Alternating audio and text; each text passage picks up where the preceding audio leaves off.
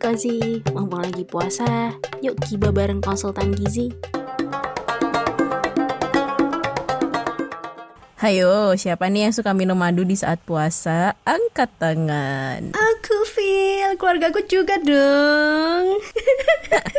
Tas dong Mbak Aul, samaan kita. eh, opening dulu ya. Assalamualaikum. Hai sahabat Kozi, selamat datang di segmen Giba, Konsultan Gizi. Gizi Berkah bersama Konsultan Gizi, Gizi Berkah, Ramadan Barokah. Puasa menjadi ibadah yang paling indah karena dengerin segmen Giba bersama Konsultan Gizi. Nah, karena tadi aku udah nanya nih Mbak, siapa yang suka minum madu? Yuk kita bahas kalian deh Mbak. Ayo, ayo, ayo, ayo. Karena madu ini juga salah satu primadona di kalangan eh, bahan-bahan makanan di bulan Ramadan ya, Phil. Benar banget. Biasanya sih kalau di keluargaku alasannya itu untuk nambah imunitas sih, Phil. Apalagi pandemi kayak gini. Makanya kita bahas yuk Mbak. Ayo, ayo. Jadi gimana nih Mbak, konsumsi madu di saat puasa kalau menurut Mbak Aul? Karena kan apa ya, banyak ya kata Mbak Aul juga di masa pandemi gini gitu kan, untuk menjaga kekebalan tubuh. Emang perlu nggak sih Mbak? Terus apakah madu ini jadi bahan makanan wajib konsumsi di kala Ramadan Mbak? Karena kan Mbak Aul juga konsumsi madu nih. Eh, gini gini ya nggak nggak nggak gitu konsepnya. Maksudnya gini jadi sebelum nih eh apa ya disalahfahami asik.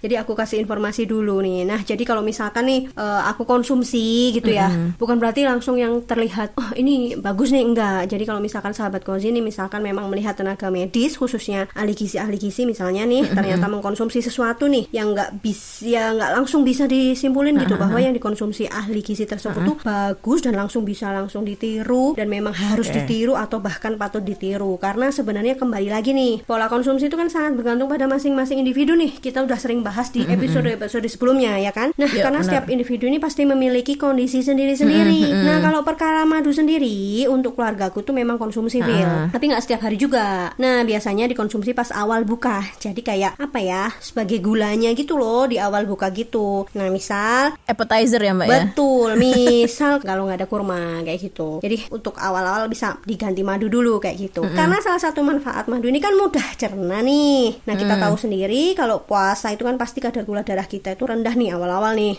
Nah makanya kan disarankan konsumsi yang manis kan. Nah kalau kita nggak ada kurma atau yang apa, madu itu bisa jadi alternatif gitu loh untuk gantiin. Masih inget nggak gibah sesi satu tahun lalu?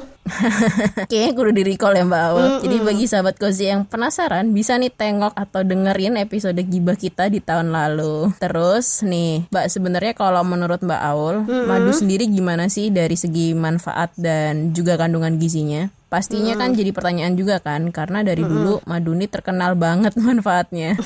Bener banget nih Phil Banyak sekali manfaat dari madu Nah mulai yang tadi udah aku sampaikan kan Mudah cerna. Nah selain itu Madu ini ternyata punya vitamin dan mineral. Nah selain itu juga ada sumber antioksidan Sampai zat antibiotik alami loh. Banyak banget penelitian yang menghubungkan juga dengan kesehatan-kesehatan. Kayak misalnya nih Untuk diabetes Atau kalau misalkan kita eh, Apa namanya Baca-baca lagi tuh Oh banyak banget deh pokoknya selain diabetes. Nih Phil kalau kita ngomongin kandungan gizi ini menarik banget nih Phil. Aku pernah baca buku khususnya terkait madu. Nah penjelasannya sih kan memang madu ini kan kandungannya pasti beda-beda ya Sesuai dengan varietas dan lainnya jenis ataupun yang apanya gitu. Nah tetapi rata madu sebanyak 1 kg mengandung sekitar 3280 kalori. Nah nilai kalori 1 kilo madu sama kayak 50 butir telur nih Atau 5,5 liter susu Atau 1,6 kg daging sapi Nah Wow. kalau mau dibahas detailnya Kandungan ini tuh banyak banget nih Madu tuh punya kandungan banyak Phil Mulai dari vitamin C,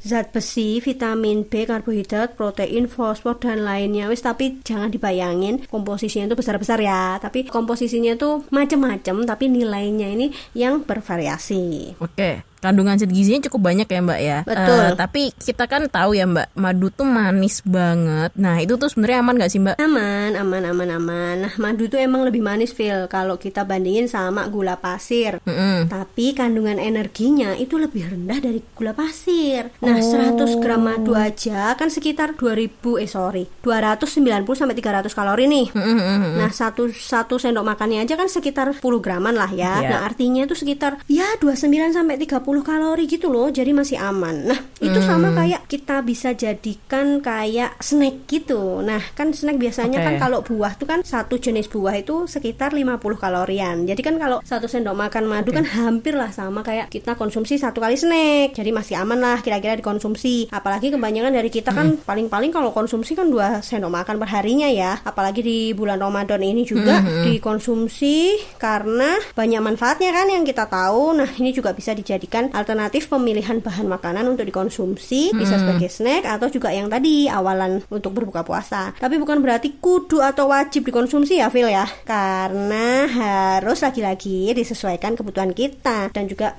bisalah dijadikan alternatif untuk pemilihan sumber gula tadi. Jadi aman ya sahabat Cozy dan kembali lagi disesuaikan dengan kebutuhan kita. Jadi makin banyak ya Mbak Aul pilihan bahan makanan yang mengandung gula dan pastinya masih aman lah untuk dikonsumsi dan pastinya mengandung zat gizi yang baik untuk tubuh. Nah Mbak, jadi penasaran nih Filza, kalau madu itu mending disimpan di mana Mbak? Karena Filza pernah nih Mbak dikasih tahu saudara kalau madu tuh kudu disimpan di kulkas. Bener nggak sih Mbak? Nah ini karena kita udah sempat bahas tentang penyimpanan makanan ya Phil Jadinya akhirnya nanyanya aduh gimana nih nyimpannya? Ya kan?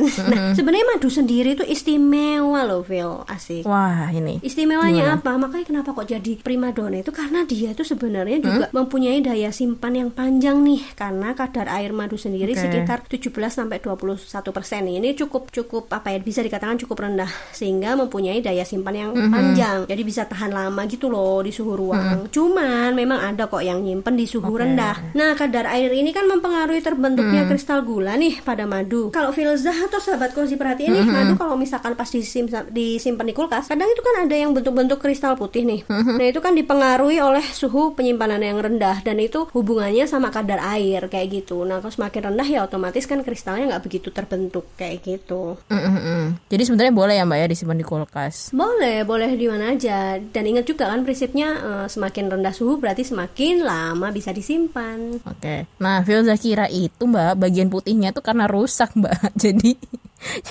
jadi sebenarnya aman kan ya Mbak dikonsumsi. Aman, aman. Itu kristal gulanya aja. Nah, walaupun tapi daya simpannya panjang itu bukan berarti madu nggak bisa rusak ya. Jadi madu itu masih bisa juga rusak gitu. Nah, kalau madu rusak tuh gimana Mbak ciri-cirinya? Nah, ini aku kasih tips, jangan bilang sama siapa, oke? Ini rahasia, oke?